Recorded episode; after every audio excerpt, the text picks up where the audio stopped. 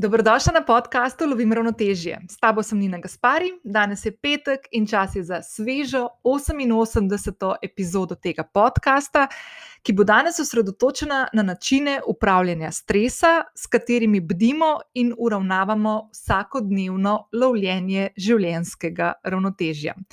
V današnji epizodi se bom dotaknila tem, kot so pomen in moč rutini navad, postavljanja mej in uporabo besede ne ki je, po mojem mnenju, še vedno ena od najpomembnejših, če ne najbolj pomembna beseda v vsakem jeziku, upravljanje notranjega kritika in sindroma usiljivca in preskakovanje strahov in omejitvenih prepričanj.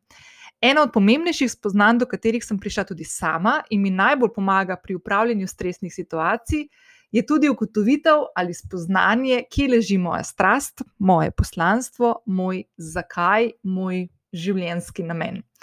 Skozi to spoznanje lažje upravljam s svojimi vsakodnevnimi odločitvami, izzivi in imam občutek, da svoje življenje držim v svojih rokah, nosim tisto kapitansko kapo svoje ladje, ki predstavlja življenjsko pot, po kateri hodim. V današnji epizodi ti bom predstavila tudi nekaj načinov, ki ti lahko pomagajo vsakodnevno bdeti nad stresnimi situacijami in tesnobnimi trenutki, s katerimi se dejansko srečuje čisto vsak od nas, tudi jaz. Podpornik današnje epizode je Viši in hashtag Stressless Week. Viši v teh dneh namreč predstavlja tudi nov izdelek, serum Mineral 89 Probiotic Fraction iz kultne serije Mineral 89, ki deluje proti vidnim znakom stresa na koži. O tem nekoliko kasneje. Če še nisi prijavljena na podcast Lovim ravnotežje, to lahko storiš zdaj prek aplikacije, na kateri trenutno poslušaš to epizodo. Vedno sem vesela tudi ocen in mnen, ki mi jih pustiš na podcast aplikaciji ali pa se mi oglasiš na zasebno sporočilo. Najraje vidim, da to storiš na Instagramu, kjer preživim največ časa in se ti lahko najhitreje tudi odzovem. S prijavo vdajo ocene in mnenja na aplikaciji, pri kateri poslušaš podcast, pomagaš, da zanj slišijo tudi tebi podobne ženske in moški. Tudi tokrat lahko spodaj v opisu najdeš povezavo do zapisa epizode, kjer te čakajo še ostale povezave, ki jih bom danes omenila v epizodi. Za današnjo epizodo sem najprej se odločila, da bomo pogledali v to, kaj je sploh stres, odkot pride in kaj na njega vpliva. Stres je zelo naraven in normalen fiziološki in psihološki odziv našega telesa na držljaje, ki prihajajo iz okolja in ki motijo naše osebno ravnotežje. Sodoben življenjski stil je povezan tudi s stresom in nihče od nas mu resnično ne more uiti. Če si poslušala podcast že prej, potem veš, da sem že govorila veliko tudi o svojem načinu upravljanja s stresom oziroma načinih. Govorila sem tudi že veliko o mentalnem zdravju, tudi o svoji poti mentalnega zdravja. Mislim, da je bila to epizoda 49, ki jo bom polinkala v zapisu te epizode. Uh, skratka, kaj želim povedati, je, da če se kdaj srečaš v neki situaciji, ko si pod stresom ali ko te preganja tesnoba, je to nekaj povsem normalnega. Druga stvar, ki je blazno pomembna, takoj zatem, ko ugotovimo, da je to nekaj normalnega in nek čistak naraven. Uh, pojav, ki, s katerim se soočamo vsi v nekem obdobju v svojem življenju, ali pa pogosteje, mogoče redkeje, je, da se naučimo s tem tudi upravljati. In o tem bomo govorili danes. Stres je prisoten v vsakodnevnih situacijah, v službi, pri delu, ki ga upravljamo, v krogu družine, v pozitivnih in v negativnih življenjskih trenutkih, kot so naprimer poroka, rojstvo otroka, selitev ali sprememba okolja potem lahko je nova služba ali ločitev, izguba, smrt bližnje osebe. In kot rečeno, je najpomembnejše pri vsej stvari to, kako se na stres odzivamo, kako z njim upravljamo in kaj nam pri tem lahko pomaga. Vsak od nas se na stres odziva drugače, in vsakemu od nas se stresna občutja sprožijo ob oziroma zaradi različnih zunanjih držljajev. Stres je, kot rečeno, povsem normalen del naših življenj. Dolgoročen in kroničen stres pa lahko vodi do zahtevnejših stanj, zato je pomembno, da se v življenju naučimo bdeti in upravljati s stresnimi stanji in situacijami. Pomembno je, da prepoznamo stres in njegove simptome, ki so lahko fizični, čustveni ali pa miselni oziroma kognitivni. Med fizičnimi simptomi so naprimer lahko glavoboli, nizek nivo energije, nespečnost, boleče napete mišice, bolečina v prsnem košu in povišan srčni utrip, suha usta in težave pri požiranju sline, živčnost, tresenje, zvonjenje v ušesih, potne roke in noge, stiskanje zob oziroma čeljusti, prehladi in okužbe, izguba spolne sle.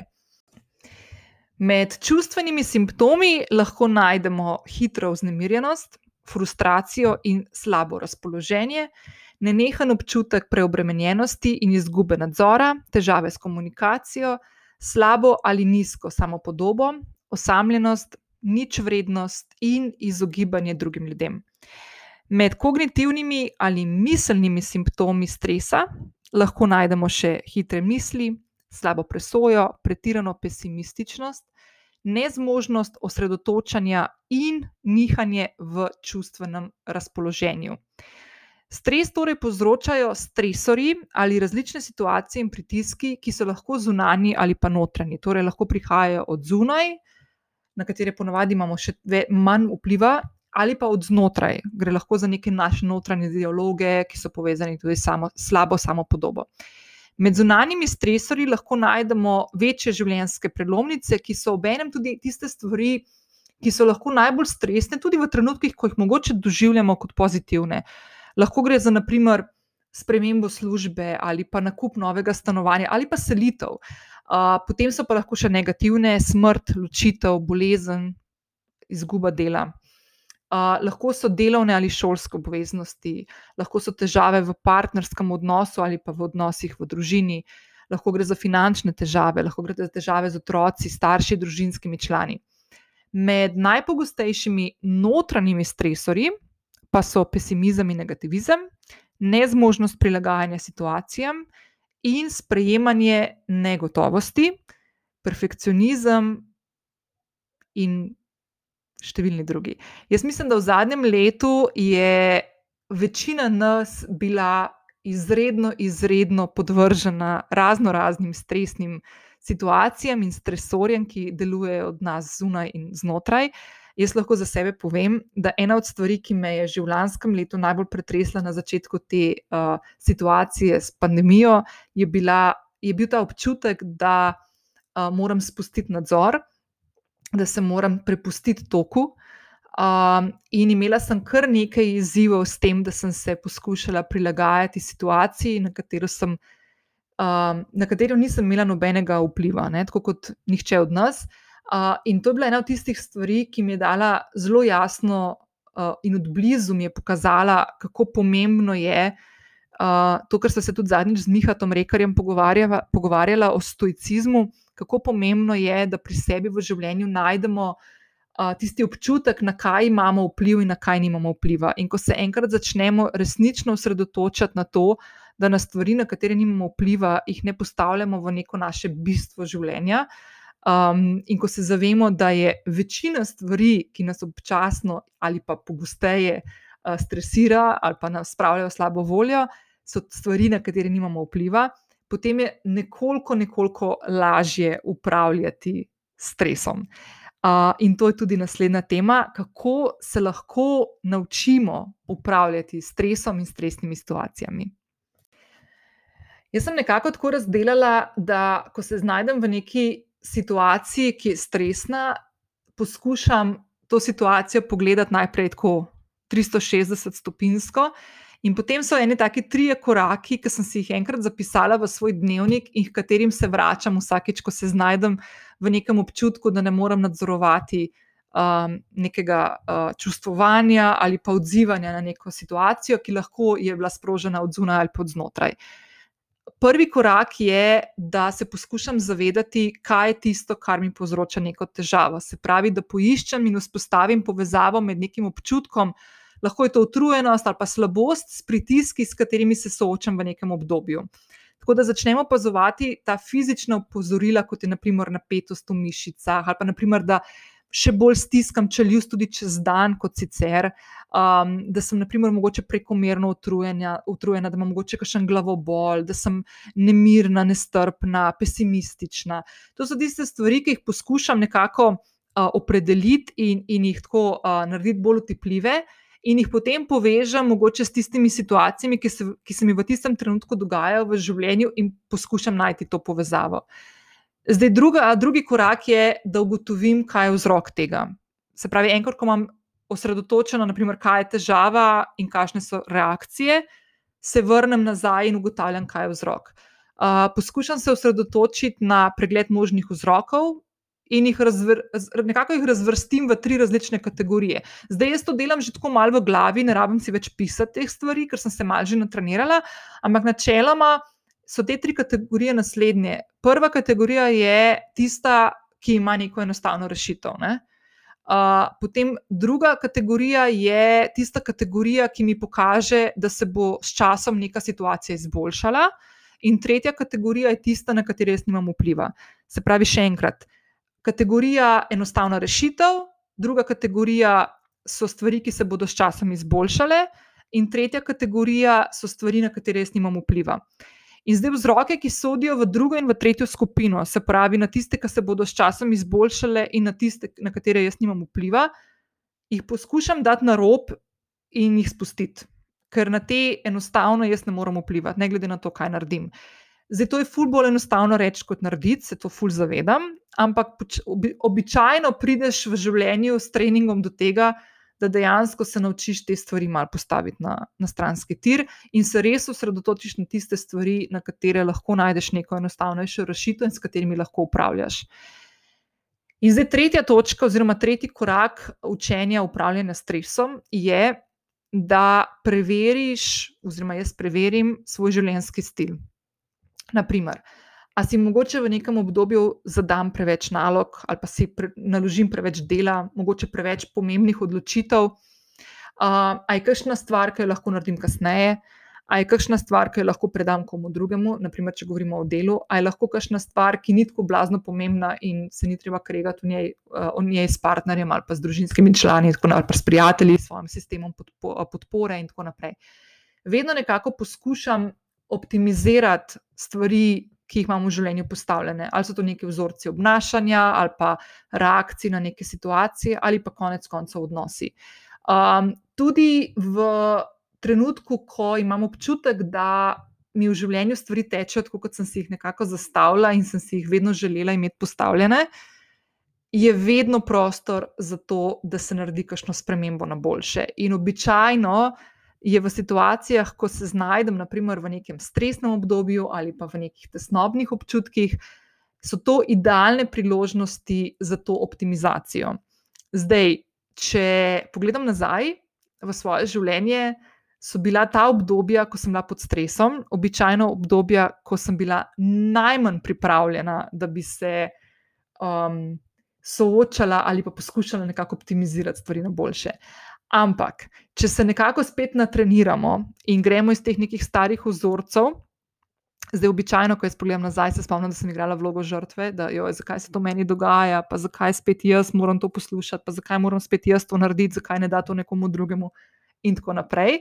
Uh, ko sem se enkrat začela postavljati iz te vloge žrtve in postavljati v vlogo odgovorne osebe v mojem življenju, tiste osebe, ki vodi mojo ladjo in nosi to kapitansko kapo na glavi, kot sem jo prej v začetku te epizode omenila. Takrat sem začela prevzemati v takih obdobjih tudi um, odločitev in um, odgovornost za to, da v vsakem trenutku poskušam najti um, optimizacijo oziroma boljše odločitve, oziroma da svoje vzorce obnašanja lahko prilagajam, posodabljam ali pa izboljšuje.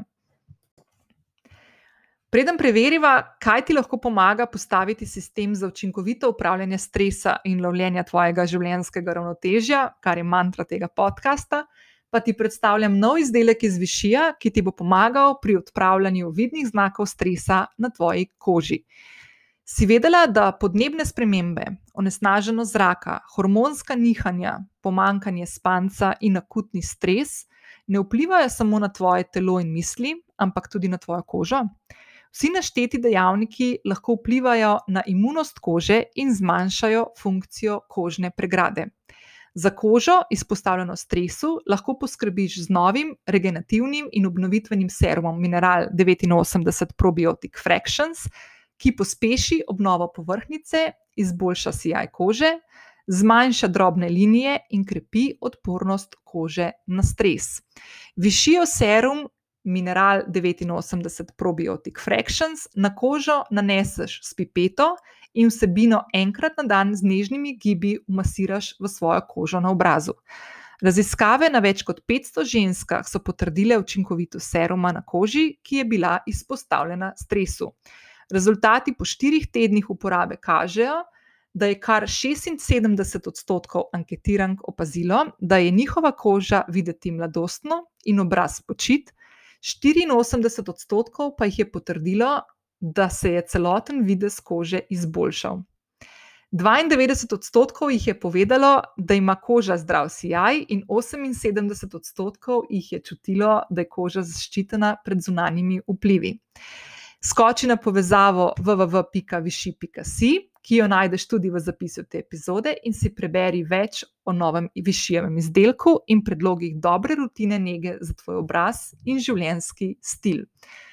Vrniva se k postavljanju tvojega sistema za učinkovito upravljanje s stresom in lovljenjem tvojega edinstvenega življenjskega ravnotežja. Ok, ena od stvari, ki ti bo resnično v pomoč pri upravljanju uh, stresa, situacij, nad katerimi nimaš vpliva, tesnobe.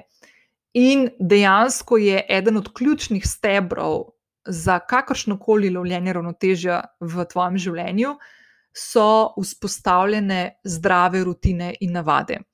V 86. epizodi tega podcasta sem govorila o postavljanju in pomenu jutranje rutine. Uh, Jutranja rutina, če ponovim, je preprosto seznam ključnih rutin in navad, ki jih izvajaš zjutraj in s katerimi začneš vsak dan v svojem najljubšem ritmu, ter se z njimi pripraviš na nove uspehe, zmage, preskakovanje izzivov.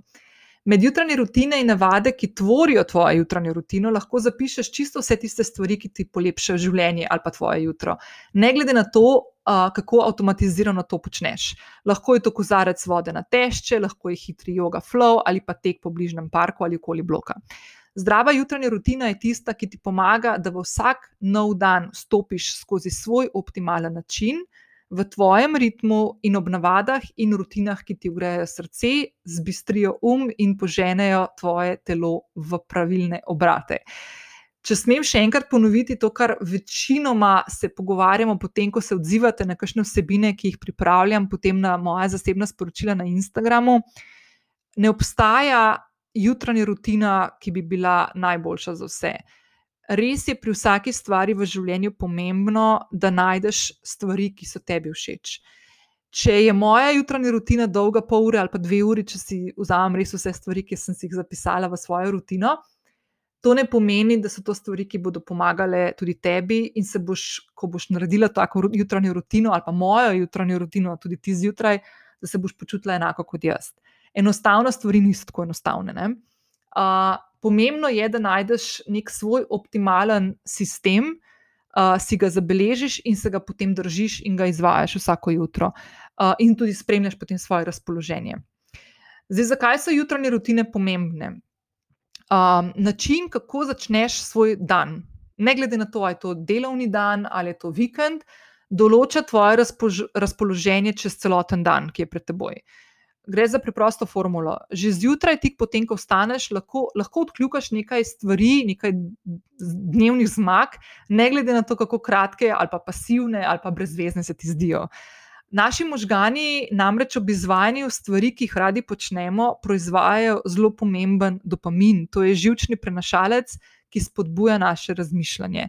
In ko imamo v možganjih višjo stopnjo dopamina, smo zato boljše volje, imamo občutno več energije, veliko enostavneje se osredotočimo na tiste stvari, ki nas čakajo čez dan, sploh če govorimo o kakšnih delovnikih, ko je pred nami še cel delovni dan. Imamo več motivacije, Razmišljanje nam ne predstavlja več pretiranih težav in razvijamo tudi globjo domišljijo. To ni fajn samo za tiste, ki imamo morda kakšne bolj take kreativne službe, ampak za vse od nas. In če imamo v telesu prenisko stopnjo dopamina, to lahko pripelje do številnih resnejših težav. Lahko je to tudi depresija, nezmožnost osredotočanja, pomankanje motivacije, zmanjšan spolni nagon, izguba zadovoljstva in sreče. In to so tudi eni od ključnih uh, momentov, in kot sem prej omenila, eni od ključnih fizičnih stresorjev, ki vplivajo na to, kakšen občutek stresa ali pa tesnobe imamo v nekem trenutku v svojem življenju. Točno tukaj tiči ključ do številnih in vedno glasnejših spodbud, da zjutraj, vsaj pol ure po tem, ko se zbudimo, ne uporabljamo telefona ali računalnika, ne gremo na Instagram ali Facebook, ne gremo v e-poštni nabiralnik ali pa ostale aplikacije, s katerimi si običajno krajšamo čas in prek katerih spremljamo, kaj počnejo drugi ljudje.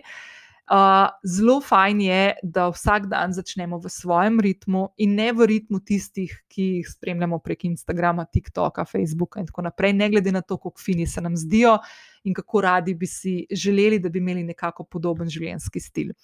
Tvoj življenjski stil je dober, zoptimizirati ga je treba, ga, se ga lahko vedno na vsak način še vedno boljše. Jaz to počnem na praktično dnevni ravni in vsak dan srečam kakšen moment, ko si mislim, o moj bog, to moram pa še spremeniti ali pa popraviti. Ampak, če izhajaš iz sebe in kot sem prej rekla, najdeš pri sebi neko notranjo motivacijo in strast do stvari, ki jih želiš vključevati v svojo ali jutranjo rutino ali pa življenje, je to vedno najboljša preverjeno najboljša formula, ki se lahko držiš.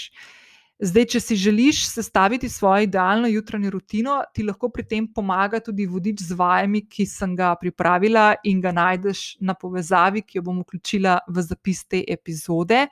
Uh, ful lepo te bo vodil skozi različne stvari, ki jih lahko vključiš v svojo jutranjo rutino.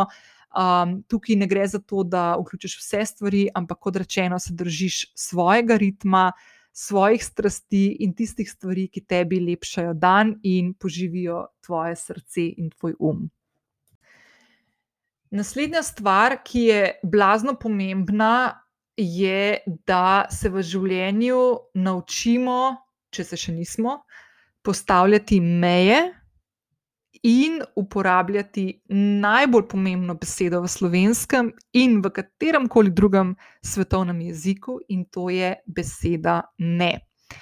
Če želiš v življenju loviti ravnotežje, potem moraš znati postavljati meje. Z mejami boš svoji okolici sporočila, da se zavedaš svoje vrednosti in predvsem pomembnosti časa, ki je edina valuta, ki je ne moreš prislužiti nazaj.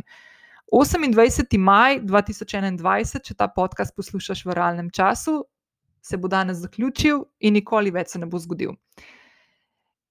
Postavljanje mej je ključno za dinamiko vseh odnosov, ki jih imamo. Lahko so to poslovni, delovni ali pa zasebni.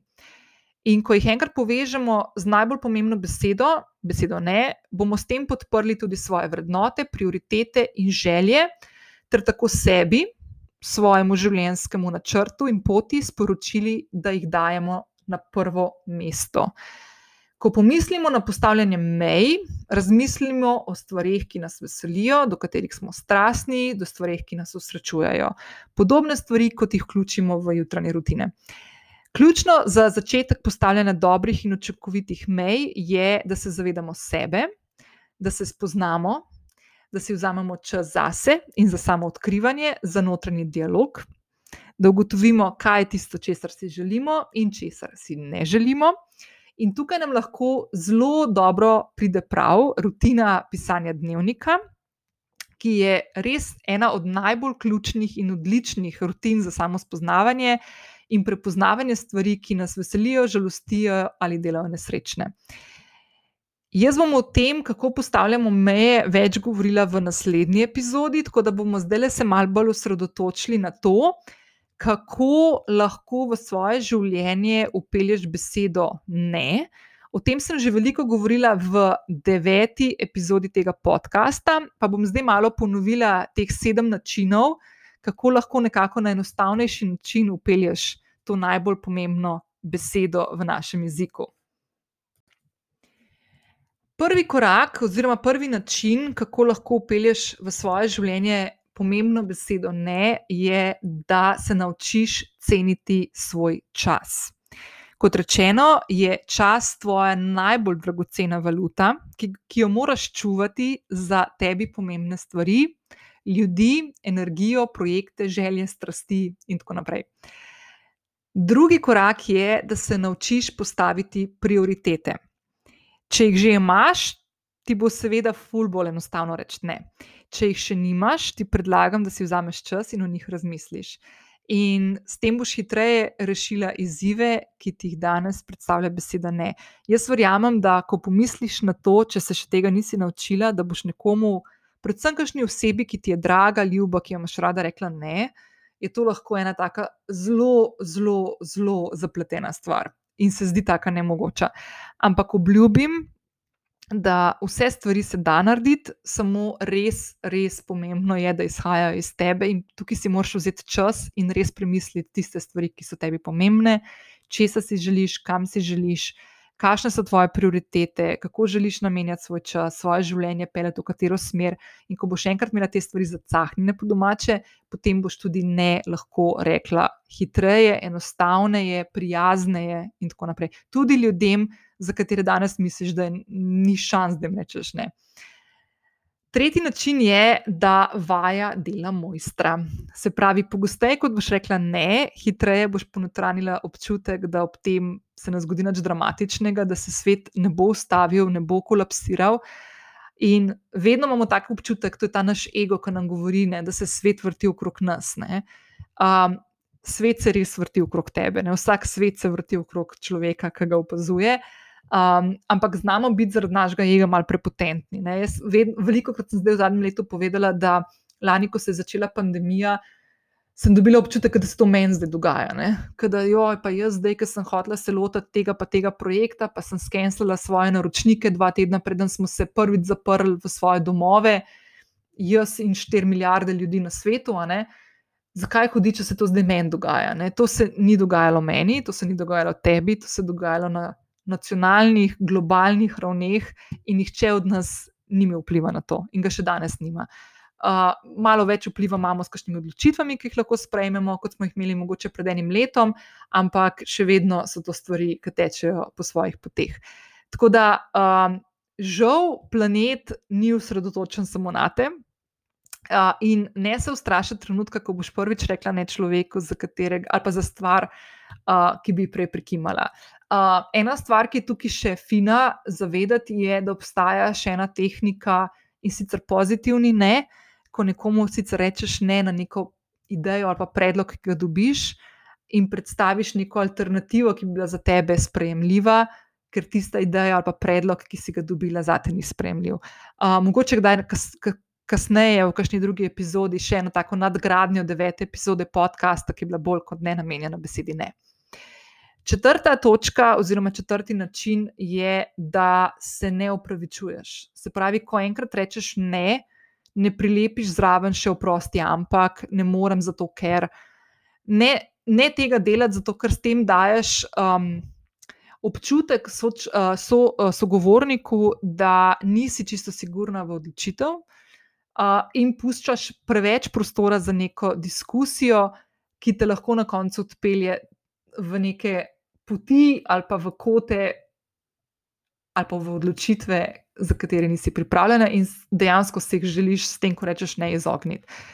Vedno je fajn, a ne, ko govorimo in se pogovarjamo z drugimi ljudmi, da smo prijazni in sočutni, ampak se moramo ob enem zavedati, da si ti tista, ki bdiš nad svojim življenjem, nad svojimi odločitvami in da se moraš resnično včasih postaviti v nekoliko sebičnejšo držo, kot jo mogoče poznaš zdaj uh, in pogledati in upravljati svoje življenje, svojega zornega kota. Uh, če bodo ljudje okoli tebe s tem imeli težave, kar se zna zgoditi, um, je to stvar, s katero upravljaš v življenju. Zdaj, če so to neki ljudje, ki so neki, rečemo, temu, pasivni opazovalci, pa taki občasni ljudje v tvojem življenju, potem se vprašaš, lahko, ali so to ljudje, ki jih želiš imeti v svojem življenju. Če gre za to, kakšne ljudi, ki so tvoji družinski člani ali pa ljudje, ki jih imaš blizu, ki jih imaš rada, ki jih želiš imeti v svojem življenju, z njimi pa pač upravljaš. In uh, je to od tistih, eden od tistih izzivov, ki ga imaš celo življenje skozi svojo. Komunikacijo. Ampak res, če si sigurna v stvari, ki jih govoriš in izhajajo iz tebe, potem tukaj blaznega odpora niti ni za pričakovati. Peti način je, da pozabiš na prijaznost. To je tako zdaj malo radikalno, ampak prijaznost je itak krasna življenjska sopotnica in je prav, da jo imamo in da, da smo prijazni do sveta. Ampak takrat, ko moš reči ne, ker ti neka oseba ali stvar ne odgovarja in ne sovpada s tvojo potjo ali pa tvojimi vrednotami, takrat enostavno moraš sebe zaščititi v navednicah, svoje interese, svoj, svoj vrednostni sistem. Če ljudem dovoliš, da enostavno posegajo v tvoj čas, lahko tudi v tvoje odnose, finančno stanje ali pa druge pomembne stvari v tvojem življenju, potem bodo s tem nadaljevali tudi v prihodnje. In ko boš enkrat postavila mejo, bodo začeli iskati mostove druge. In bodo tebe razbremenili. Tako da, običajno, ko prihajaš iz neke svoje intimne drže in svojega samospoznavanja, da so neke stvari v tvojem življenju resnično pomembnejše od vsega drugega, potem bodo tudi drugi ljudje pustili te stvari, ker bodo ugotovili, da ni prostora za to, da te razdirajo ali pa da te poskušajo premakniti. Tako da pokaži, da je tvoj čas pomemben, s tem, da ga zaščitiš.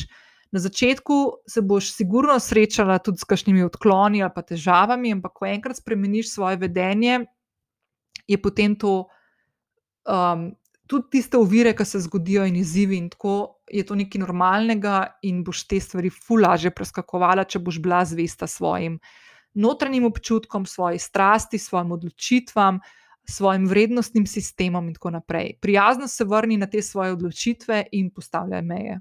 In ful enostavno boš lahko rekla ne.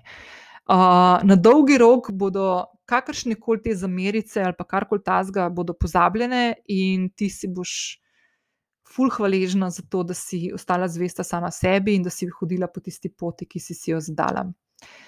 Uh, ena od stvari, ki je verjetno najbolj um, polna izzivov, je, kako rečeš ne svoji šefici ali pa šefu, ne, ali pa nadrejenemu, nadrejeni. Um, niso enostavne stvari, ampak niso nemogoče. Poskušaj argumentirati, zakaj rečeš nečes, nečemu ne, naprimer, pojasni, da bo to naprimer, na tvojo produktivnost, neka nova naloga, ki ti jo želijo uh, postaviti, kaj bo to predstavljalo za tvojo produktivnost, če boš dobila še en projekt, ki ni pisan tvojim sposobnostim in ti bo kratil čas, energijo, živce in tako naprej. Uh, prijazno, ne s tistim odnosom, da to pa res ni primerno za te, da si vredna več, da to ne nekdo drug naredi, in tako naprej, ampak poskušaj argumentirati in pri tem se postaviti v čele tvojega nadrejenega, ne? kaj jim je pomembno, zakaj to želijo imeti upravljeno, kako gledajo na to nalogo, in tako naprej. Začni s, teki, s temi nekimi manjšimi koraki, ne se lotiti najprej največjih premikov v tvojih delovnih procesih. Bo tukaj taktična, uh, da ne boš izpadla tisti problem maker. Uh, se pravi, poskušaj argumentirati vsako stvar, pogledati z večjih zornih kotov, se postaviti v čevlje svojega nadrejenega in pogledati na stvari z njegovega zornega kota ali pa njenega zornega kota. In sedmi uh, korak, oziroma način je, da resnično slediš tistim stvarem, ki si jih zadaš, in da zaupaš sama sebi. Poslušaj se, opazuj se, postavi se v center svojega življenja, brezkompromisno in tako zdaj le, danes. Uh, postavi meje, uh, ki jih najprej spoštuješ ti, ne? se pravi, ne da postavljaš meje drugim in potem jih ti predstavljaš. In ko bojo ljudje okrog tebe videli, da ti spoštuješ te, spoštuješ te meje, jih bodo začeli spoštovati tudi sami. Naslednja točka pri upravljanju stresa um, in lovljenja tvojega edinstvenega življenjskega ravnotežja je stvar, ki vpliva na naše notranje stresorje, in to je, da poskušaš pri sebi najti način, kako vzpostaviti nežen notranji dialog. Uh, Um, ena od pomembnejših stvari, ki si jih je dobro naučiti v življenju in to čim prej, je upravljanje s tvojim notranjim kritikom oziroma sindromom usiljivke, o katerem sem govorila v 20. epizodi tega podcasta. Tako da, če še nisi poslušala te epizode, te vabim, da skočiš tja. Najdeš jo tudi na ninagaspari.com, pošiljka epizoda 20, številko 2.0. Sindrom usiljivke ali pa prevarantke, v angleščini ta termin najdeš pod besedno zvezo imposter syndrome, je psihološki vzorec, v katerem dvomimo v svoje dosežke, sposobnosti in imamo ponotranjen strah pred tem, da nas bo okolica prepoznala kot prevarante na nekem področju, običajno tukaj na kakšnem delovnem področju. S sindromom usiljivke se srečujemo čisto vsi, moški, ženske, na vseh položajih na celotni družbeni lestvici. Tiste izredno uspešne, m, ki hodimo po svoji poti uspeha, oziroma proti cilju, ki ga dojemamo kot nujnega za naše dojemanje uspeha. Doživljajo ga tudi ljudje, ki jih družba dojema kot strokovnjake na svojem področju. Jaz se spomnim enega podcast pogovora z Billom Gatesom, ki je povedal, da, je, da se vedno počuti kot prevarant, zato ker zna samo angliško govoriti da ne zna nobenega drugega jezika, in to je naprimer njegovo umetveno prepričanje in njegov sindrom usiljivca, ki ima občutek, da ga bodo vsi prepoznali kot ne preveč zelo brihtnega in pametnega, čeprav ga svet vedno postavlja med neke genije, računalniške in tako naprej. Zdaj, kako prepoznaš sindrom usiljivke? Uh, sindrom usiljivke povzroča to, da ljudje dvomijo v naše dosežke, sposobnosti, izkušnje, in pri tem se mi bojimo, da nas bo naša okolica prepoznala kot goljufe. Sindrom usiljivke lahko prizadene čisto vsakega od nas, ne glede na delo, ki ga upravljamo, ali na naše socialno stanje. Tako kot pravim prej, tudi Bill Gates ima s tem težave. Iz ene od raziskav, ki so jo upravili leta 2011, je razvidno, da se bo s tem sindromom v svojem življenju vsaj enkrat srečalo prek 70 odstotkov populacije. Tako da, če slučajno imaš občutek, da je sindrom usiljivke tvoj zvesti partner, vsakodnevni partner, vedi, da je to nekaj posebno normalnega. Tako kot celotna ta situacija s tem, da imamo vsi v življenju, vsaj enkrat, če ne običajno pogosteje, opravka tudi s stresnimi in tesnobnimi situacijami. Ženske pri tem prevladujemo. Um, to je tako. Enkrat sem poslušala en govor od bivše uh, prve dame Amerike, od Mišele Obama, ki je nekako razložila, da je celo življenje se soočala s sindromom usiljivke, ko se je znašla v nekih situacijah, tudi potem, ko je že bila prva dama Amerike, ko je imela za sabo. Um, uspešno kariero, delala je kot uh, odvetnica, kot članica uprave, kot vodja nevladnih organizacij, bila je prva dama Amerike, uh, Um, in se je srečala v situaciji, ko je sedela naprimer za kakšnimi mizami, kjer so sedeli odločevalci, globalni odločevalci o različnih stvarih, in se je vedno znašla nekako s tem občutkom, da ne sodi v tiste prostore, v tiste sobe. Ne? Zakaj sem jaz tukaj, kaj mi je za doprinest, kaj pa če me bojo kaj vprašali in jaz ne bom znala na to odgovoriti. In je rekla, da se je zelo pogosto uh, srečala in soočila s situacijo, ko so, zdaj bom tukaj bila mal feministična, ampak um, se po mojem boste razumeli, kaj bom hotela povedati. Je, da večinoma se je srečala situacijo, ko so v sobah, v katerih je ona takrat imela te notranje občutke in svoj notranji dialog s svojim, svojim sindromom usiljivke in prevarantke. Je poslušala predvsem moške, ki so sedeli v teh sobah, ki jih je bilo običajno vedno več kot žensk, ki dejansko je rekla, ko sem jih poslušala in kaj so doprinesli svojo vsebino v tiste sobe, dejansko ni, ni bilo prostora za te moške, ker so, ker, ker, ker so dejansko niso dosegali tistih uh, nivojev debate. Ki bi bili primerni za določene, za določene sobe, prostore, diskusije, in tako naprej, ali pa situacije, ali pa sestanke. In je rekla, da ne more razumeti, ne, kako je možno, da se ženske, blazno, blazno um, ukvarjamo s tem uh, opažanjem in, in notranjo kritiko, da enostavno ne sodimo v določene sobe, v določene diskusije, v določene odločevalske kroge, moški pa pridejo. Zelo prepotentno, pogosto krat v take sobe, prepričani že od samega začetka, da v te sobe sodijo. Um, in jaz, ko sem poslušala ta govor, takrat od Mišela Obama, sem si mislila, hudiča, če pa ena ženska ki je v življenju dala tako življenjsko in poslovno pot za seboj, uh, ko je bila prva dama Amerike in, in je že zaradi položaja, ki ga je imela kot žena predsednika Amerike, uh, imela te občutke, potem ni nič čudnega, če jih imam tudi jaz ali pa, ali pa ti ali pa katera koli druga ženska. Um, ženske prevladujemo v teh občutkih sploh tiste ženske, ki smo ambiciozne in ki smo nekako osredotočene ali pa stremimo za uspehom. In veliko, veliko ljudi se s tem sindromom sreča v nekem omejenem času. Uh, lahko so to prvi dnevi nove zaposlitve, naprimer. Uh, drugi se s tem občutkom borimo celo življenje in imamo konstantno ta občutek, da smo prevarantke, da mogoče uh, um, nismo sposobni določenih stvari povedati na glas, ali pa da bi bilo bolje, da bi bilo tiho. Primer, jaz zdaj, ko snemam ta podcast in ko govorim o stresu in tako naprej. Jaz nisem zdravnica, jaz nisem psihologinja, nisem psihiater, nisem nikoli študirala teh stvari, zelo govorim iz svojih izkušenj, zelo govorim iz svoje poti. In jaz imam pogosto občutek prevarantke in pogosto se znajdem v nekem feelingu, da bi mogla se bolj izučiti v teh stvarih, če v njih govorim.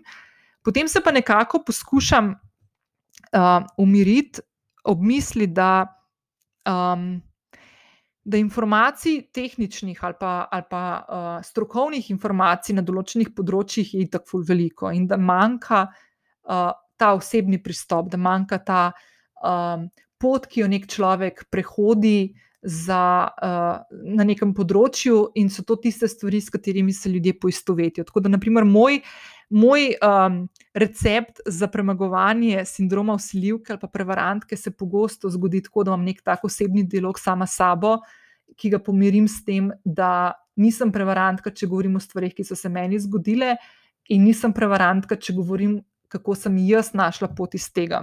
Vedno pa poskušam dajati občutek, da tudi ko sem prej govorila naprimer, o jutranji rutini ali pa ko govorimo o lovljenju ravnotežja danes, naprimer, to je zelo osebna stvar. In vedno je pomembno, da izhajamo iz sebe.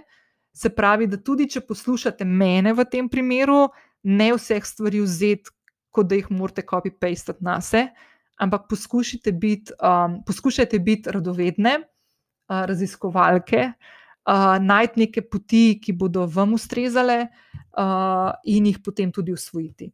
Tako da um, ne, ne bo nikoli nobena stvar, ki prihaja od zunaj, ne glede na to, ali je to strok, nek strokoven vir ali pa nek vir, kot je naprimer podcast ali pa Instagram ali pa blog zapis ali pa članek na nekem spletnem portalu. Ne glede na to, kaj je, vedno, vedno preverite stvari pri sebi. To je ful pomembno, da imamo vedno neko to kritično distanco in da preverjamo stvari, kako nam sedajo in kako se mi na njih odzivamo, in ali je to neka taka stvar, ki jo lahko upletemo v svoje življenje. Zdaj, če se vrnem nazaj na sindrom usiljivke, uh, kaj sodi med simptome, tako da mogoče lahko pri sebi prepoznaš. Uh, naprimer, skrbi, da ne boš izpolnila pričakovanj, potem gre lahko za izogibanje dodatnim nalogi, no, nalogam in odgovornostim v službi ali pri delu, ki ga upravljaš.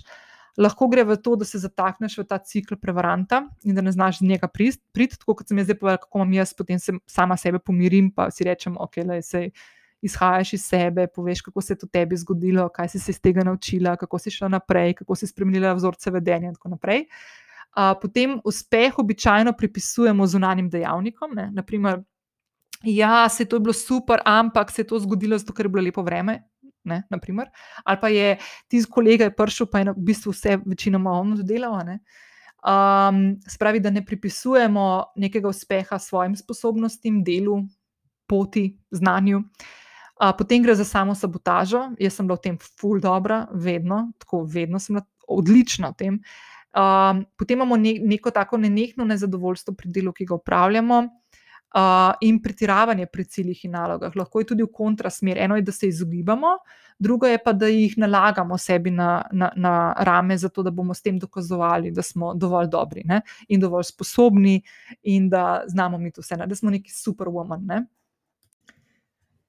Naslednja stvar, ki je fina, da vanjo ugrizneš, če še nisi, uh, ali pa se bolj poigraš z njo, kot si se mogoče do danes, so strahovi in omejitvena prepričanja. Jaz sem o tem že res veliko govorila, ampak bom danes mal obnovila stvari, ker se mi zdi blazno pomembno, ko govorimo o stresu, da se dotaknemo tudi teh dveh področji, ki sta ena od ključnih. Um, ko ne rečem temu, uh, sestavin uh, v tem receptu spodbujanja stresa in tesnobnih situacij. Zdaj, strah je čustvo, ki se pogosto pojavi v situacijah, ki so nam neznane ali pa od nas zahtevajo neko mero izpostavljenosti. Za strahom se lahko pogosto skrivajo občutki nemoči, zaskrbljenosti, neprimernosti, nevrednosti, izključenosti, izpostavljenosti, zavrnjenosti, zapostavljenosti in tako naprej. Strah je pogosto uh, en del, um, čutimo ga tako, kot naprimer, um, kako ga vidimo. Lahko gre za hitrejše bitje srca, lahko gre za oteženo dihanje, smok v grlu, uh, znojenje. Uh, zdaj v živalskem svetu ima strah dejansko eno nalogo in to je preživetveno. Se pravi, da kadar so živali v nevarnosti, instinktivno se odzovejo tako, da najbolje zaščitijo sebe in običajno tudi svoje mladiče. Pri ljudeh je nekoliko drugače. Tako kot vsa čustva, ima tudi strah dve plati. Po eni strani je za nas lahko pomemben za preživetje, ker nas uh, ravno občutek strahu veliko krat ovira pri tem, da bi storili kaj nevar, nevarnega, da bi šli iz svoje cone obdobja, po drugi strani pa, pa nas lahko nekako zamrzne v vsakodnevnih stvarih. Um, Ali nas nekako odbija od tega, da bi upravljali neko vsakodnevno zadevo in nam tako onemogoča normalno življenje. Jaz sem v peti epizodi tega podcasta, čist na začetku, pred letom in pol, govorila o svojih strahovih. Uh, to je bilo leto in pol nazaj, um, ko sem dejansko zelo bila, bila zelo na začetku tega odkrivanja svojih strahov, odkrivanja tega, um, kako so močno strahovi zarezali v moje življenje. Uh, koliko enih stvari v življenju si nisem dovolila izživeti, ker me je bilo strah. Bilo me je strah uspeha, neuspeha, poraza, kaj bodo drugi rekli, kaj bodo starši rekli, um, zavrnitve, uh, zlomljenega srca, uh, en kup enih stvari. Jaz lahko rečem, da mi je bilo same, same sebe strah, strah življenja dejansko. Um, in kako sem počasi, počasi začela iz tega lest ven. Zdaj, ena od stvari, ki se je tudi pri meni izkazala za odličen način premagovanja strahov, in ki bi si še nedolgo nazaj, par let nazaj, rekla, ni na nemi tega govoriti, ampak ker, ker se mi je zelo prepotentno nekomu, ki ga je blazno strah v življenju, to reči na glas. Ampak dejansko je to najboljša formula za premagovanje strahov, in to je enostavno, da strahu, ki ga imaš, pogledaš v oči. Uh, meni se je to zgodilo ko sem bila na zadnje na Baliju, uh, pa bom ponovila to zgodbo. Uh, šla sem se guncat na gugalnico nad Balijsko džunglo na 110 metrov. Um, mene ni bilo nikoli strah višine, uh, ne maram pa pogleda v globino. Se pravi, ne, ne maram stati na nečem, kjer lahko gledam v globino. Lahko je to mesarski most v Ljubljani, uh, ali pa tiste rešetke, ki imajo luknjo pred trgovinami, ki so položene čez, jaz to vedno čez stopam. To meni ne, neverjetno mi je, da to postavijo pred vhod trgovine, ker mi je fulne prijetno stati tam gor. Um, in strah me je premikanja na višini, se pravi, razni vlakci smrti v Gardalandu, pa to, to je bilo meni vedno največja groza.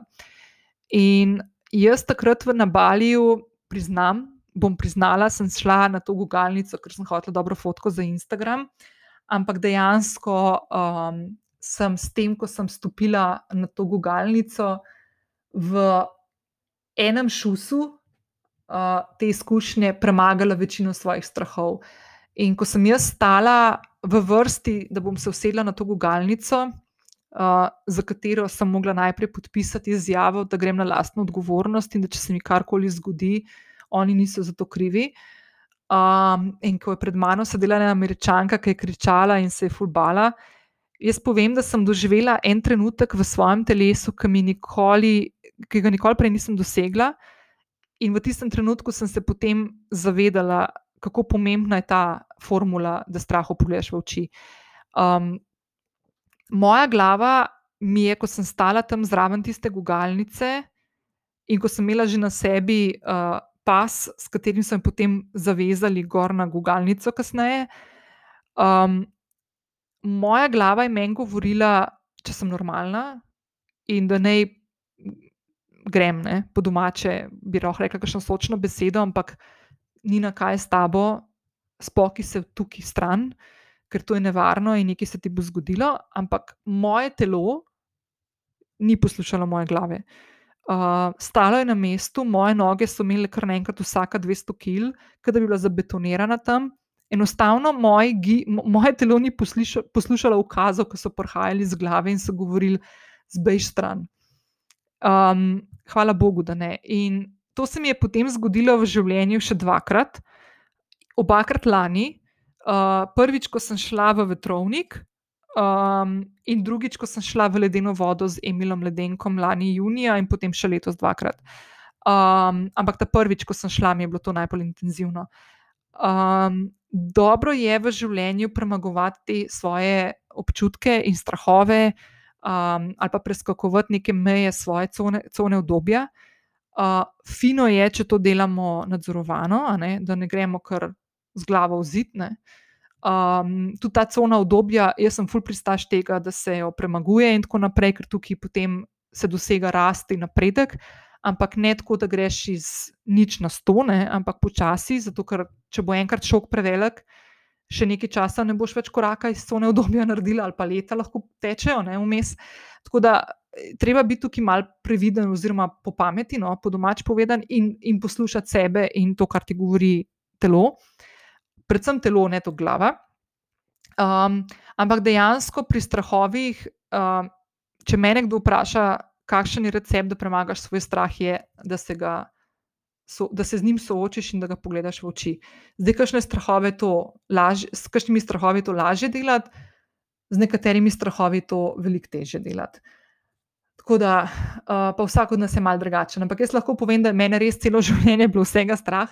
Jaz sem tudi lani ugotovila, da sem ta streh, strah podedovala od očeta, ki ga zdaj opazujem, kako se z mojim nečakom pogovarja uh, in je drug, vsak drug stavek, pazi, pazi, da ne boš padel, ali pa pazi, pazi, da se ne boš tam urezal. In sem ugotovila, da je svoje strahove na mene prenesel, oči noč tazga, vse je ok, ampak hočem povedati, da to so stvari, ki so včasih prirojene ali pa ponotranjene od drugot.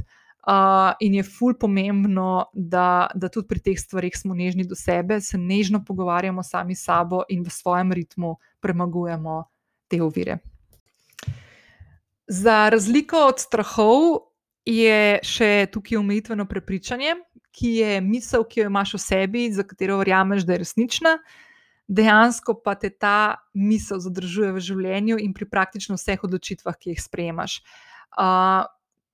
Omejitvena prepričanja so globoko zasejana v tvoj bit, postala so del tebe in dejansko verjameš in na nje gledaš kot na absolutno resnico. Zdaj, omejitvena prepričanja so vse tiste misli, za katere verjameš, da držijo, ki pa ob enem omejujejo vse tvoje sposobnosti, napredek, rast, razvoj, karierne ali pa zasebne poti. Ta prepričanja živijo v tvoji podzavesti in se na plan priplazijo takrat, ko, naprimer, razmišljaš ali se odločaš o stvarih, kot so menjava službe, upeljava nove vadbe v življenje, razmišljanje, da rečeš osebi, ki jo imaš rada, prvič ne. Spravi vse tiste stvari, ki so povezane tudi s sindromom usiljivke. In umetvena prepričanja so pogosto domneve o tvoji resničnosti, ki izhajajo iz dojemanja tvojih življenjskih izkušenj. Se pravi, če želiš, da bi tvoje dejanje in odločitve imele največji možen pozitiven učinek, potem moraš biti prepričana, in imeti postavljena prepričanja, ki bodo kar se da blizu te resničnosti. In prepogosto se zgodi, da se zavajamo z lažnimi resničnostmi in prepričanji, ki dejansko ne odražajo našega resničnega jaza, sposobnosti in tudi okolja, v katerem živimo. In vse to skupaj prepogosto vodi v to, da zaradi svojih omejitvenih prepričanj nikoli ne dosežemo svojih ciljev in sanj, ki jih imamo globoko v sebi in si jih želimo doseči.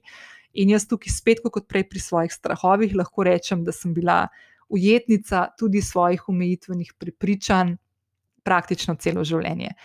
Omejitvena prepričanja se razvijajo iz različnih situacij, ki se nam dogajajo na življenjski poti, in veliko teh omejitvenih prepričanj se oblikuje v otroštvu kot posledica nezmožnosti razumevanja stvari, ki se odvijajo okoli nas.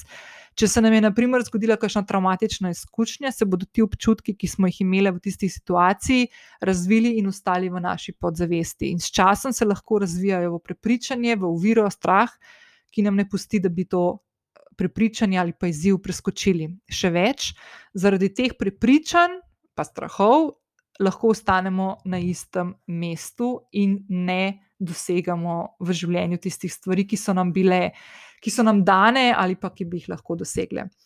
In če se ne soočimo s situacijami, ki so se nam zgodile v otroštvu in iz katerih se bo na koncu razvilo naše umitveno prepričanje, potem se lahko znajdemo, kot jaz, v 40 letih svojih življenj in si dovolimo, da naše življenje vodi in upravlja izkušnje iz otroštva. Zdaj, umitvena prepričanja se lahko razvijajo tudi iz odnosov, prijateljskih, intimnih, delovnih, v službah ali pa tistih hipnih, slučajnih, mimo grede tam nekje se zgodi neka situacija in ful močan uh, uh, odtis pusti v našem življenju. Običajno se ta prepričanja usidrajo na že obstoječa in zakorenjena prepričanja iz našega otroštva in delujejo kot dvojno potrjevanje omejitvenih prepričanj. Tudi isto misel, ne, tako, o, evo, se sem vedela, da je res. Ne. In uh, če želiš v življenju ujeti svoj ritem, ki ti bo omogočal rast, razvoj, osebno zadovoljstvo, lovljenje tvojega ravnotežja, potem se moraš naučiti tudi upravljati s svojimi strahovi in omejitvenimi prepričanji. In mimo grede, omejitvena prepričanja je lažje preskakovati kot strahove. Um, jaz sem pripravila tudi en delovni zvezek, uh, ki ga bom polinkala v zapis te epizode, ki ti pri tem lahko pomaga. Uh, povezavo boš našla v zapisu epizode. In čisto zadnja stvar, ki močno vpliva na to, kako upravljaš z vsemi stvarmi v svojem življenju, stresom, tesnobo, dojemanjem sebe, uh, dojenjem, do, dojemanjem odnosov, um, svojih izzivov, strahov, prepričanj, je, da ugotoviš, kaj je tvoja strast. Zdaj, ključno pri tvoji uspešnosti, upravljanja strah, strahovi, stresom, je, da v življenju si vzameš čas, prostor, tišino za notranji dialog, da ugotoviš, kje se skriva tvoja življenjska strast, ki lahko rečemo tudi tvoj življenjski namen, poslanstvo, tvoj zakaj. O tem sem veliko govorila v 73. epizodi tega podcasta, ko sem govorila o tem, zakaj je pomembno, da v življenju najdeš svoj zakaj. Uh, to je tisto, to je tako, če odpreš dežnik, je ovoj dežnika, je tvoj zakaj in vse, kar sem prej govorila o postavljanju mej, o uh, upravljanju strahov, omejitvenih prepričanj, notranjega dialoga, notranjega kritika, sindroma usiljivke in tako naprej. To so potem vse tiste stvari, noter, ki so v dežniku. Ampak ključno pri vsej stvari je ta uh, ovojnica okrog tebe, je pa, da ugotoviš, kje se skriva tvoja strast. Zakaj je tvoje središče in je vse, kar te navdihuje. Je tvoj razlog, da zjutraj veselo ostaneš iz postelje in oddelaš ti svojo jutranjo rutino, ki si, si jo naredila. Tvoj zakaj te navdihuje in navdušuje na osebni, poslovni oziroma delovni poti. V tvoj zakaj so upete tvoje vrednote, strasti, tvoj edinstven talent, ki ga imaš samo ti, in tvoje spretnosti, s katerimi lahko pomagaš tudi drugim. Se pravi, ne samo tiste stvari, ki bodo tebi pomagale, ampak tudi tiste stvari, ki bodo lepšale svet, ki ga so ustvarjaš. Zakaj je namen, vzrok in prepričanje, ki poganja čisto vsakega od nas, ne glede na to, ali si podjetnica, ali vodiš ekipo, si zaposlena, si študentka, si spletna vplivnica ali pa enostavno ženska ali pa moški, ki išče svojo pot. Mimo grede, to je tudi velja za moške. Zakaj je tisto vodilo, ki te bo spremljalo na poti do izpolnitve tvojega poslovnega in zasebnega življenja in ti bo v največjo pomoč pri tem, ko se boš ukvarjala s tem, kako loviti najboljši ritem lovljenja svojega življenjskega ravnotežja. Jasnost tvojega resničnega namena ti bo pomagala, da boš v svojem vsakdanu lahko osredotočena na vse odločitve, situacije in naloge, ki bodo podpirale tvoj zakaj. In ko boš enkrat spoznala, kje leži ta tvoj zakaj, boš vedela tudi, kako priti do želenega cilja. Ful enostavno je rata življenje, ko enkrat spoznaš, kje se skriva tvoja strast in tvoj življenjski namen. Pot iskanja tvojega zakaja ni enostavna. Uh, od tebe bo zahtevala poglobljen premislek o tem, česa si v življenju želiš in česa ne. In do teh spoznanj prideš z veliko samorefleksije, samo pogovorov, Zato si je pa treba vzeti čas, ne? čas, mir in uh, predanost temu, da ti postane to pomembno, da ti postane pomembno, da ugotoviš, kje se to nahaja, kje leži tvoja strast. Do teh spoznanj lahko prideš hitreje skozi vaje in delovni zvezek, ki sem ga pripravila in ga bom polinkala tudi v svojem, v zapisu te epizode, tako da ti lahko tudi pomaga, pomagajo vaje pri tem, da boš do tega prišla hitreje. Um, jaz sem to že večkrat povedala, da sem svoj zakaj spoznala in odkrila. Um, septembra bo dve leti od tega. In jaz, po mojem, lansko leto pandemsko leto, prvo pandemsko leto, upam, da tudi ne bo več kot dve leti trajalo. Uh, ne vem, kako bi preživela, če ne bi imela tega zavedanja o tem, kje leži moja strast, ker je bilo to dejansko tisto gonilo vsega, kar sem v lanskem in v letošnjem letu počela in delala. Ko najdeš svoj zakaj, boš veliko lažje in hitreje preskakovala svoje strahove in umitvena prepričanja. Uh, ful, ful, enostavno boš sestavila svoje rutine in navade in jih povezala v rutine, lahko tudi jutranjo rutino ali pa večerno rutino, rutine, ki bodo, ki bodo delovale tebi v prid. Hitro in učinkovito boš postavila svoje meje, se naučila besede ne, in imela s seboj nežnejše in bolj prijazne dialoge in pogovore, in v bistvu se boš sprejela sama sebe.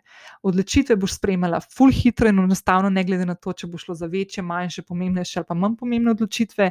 Ful hitro boš ugotovila, kaj je povezano s tvojimi vrednotami in prioritetami.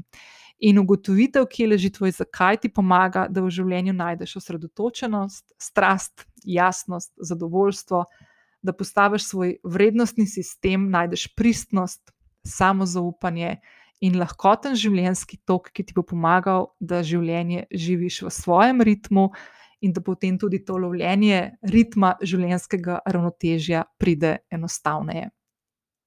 Tako. Zgleda enostavno, jaz obljubim, da je enostavno, ampak da prideš pa do teh spoznanj, si moraš vzeti pa kar nekaj časa, pa prostora, pa tišine, da o teh stvarih malo premisliš. Da, ampak se splača, se splača. Vedno je vlaganje v sebe in v take, taka spoznanja vredno največ. Da, to je to. Hvala, da si bila danes z mano. Naslednji teden se bomo uh, osredotočili na postavljanje mej. Uh, jaz se fulj veselim, ker je to tudi ena taka stvar, ki se jo želim tudi jaz malo bolj raziskati, tudi malo na tej teoretični ravni. Uh, tako da to je to. Uh, še ena stvar. Dobila sem nekaj vprašanj na to temo za današnji podcast in se jih bom dotaknila naslednji teden, zato ker se večina teh vprašanj dejansko uh, dotika teme, ki jo bom naslednji teden uh, vključila. Uh, tako da jaz se fulj veselim, da se slišimo naslednji petek, uh, to je pa danes za zadnjo epizodo v mesecu maju 2021. To. Lep dan, upam, da si ujela tudi kaj sonca, uh, in lep vikend. Čau, čau!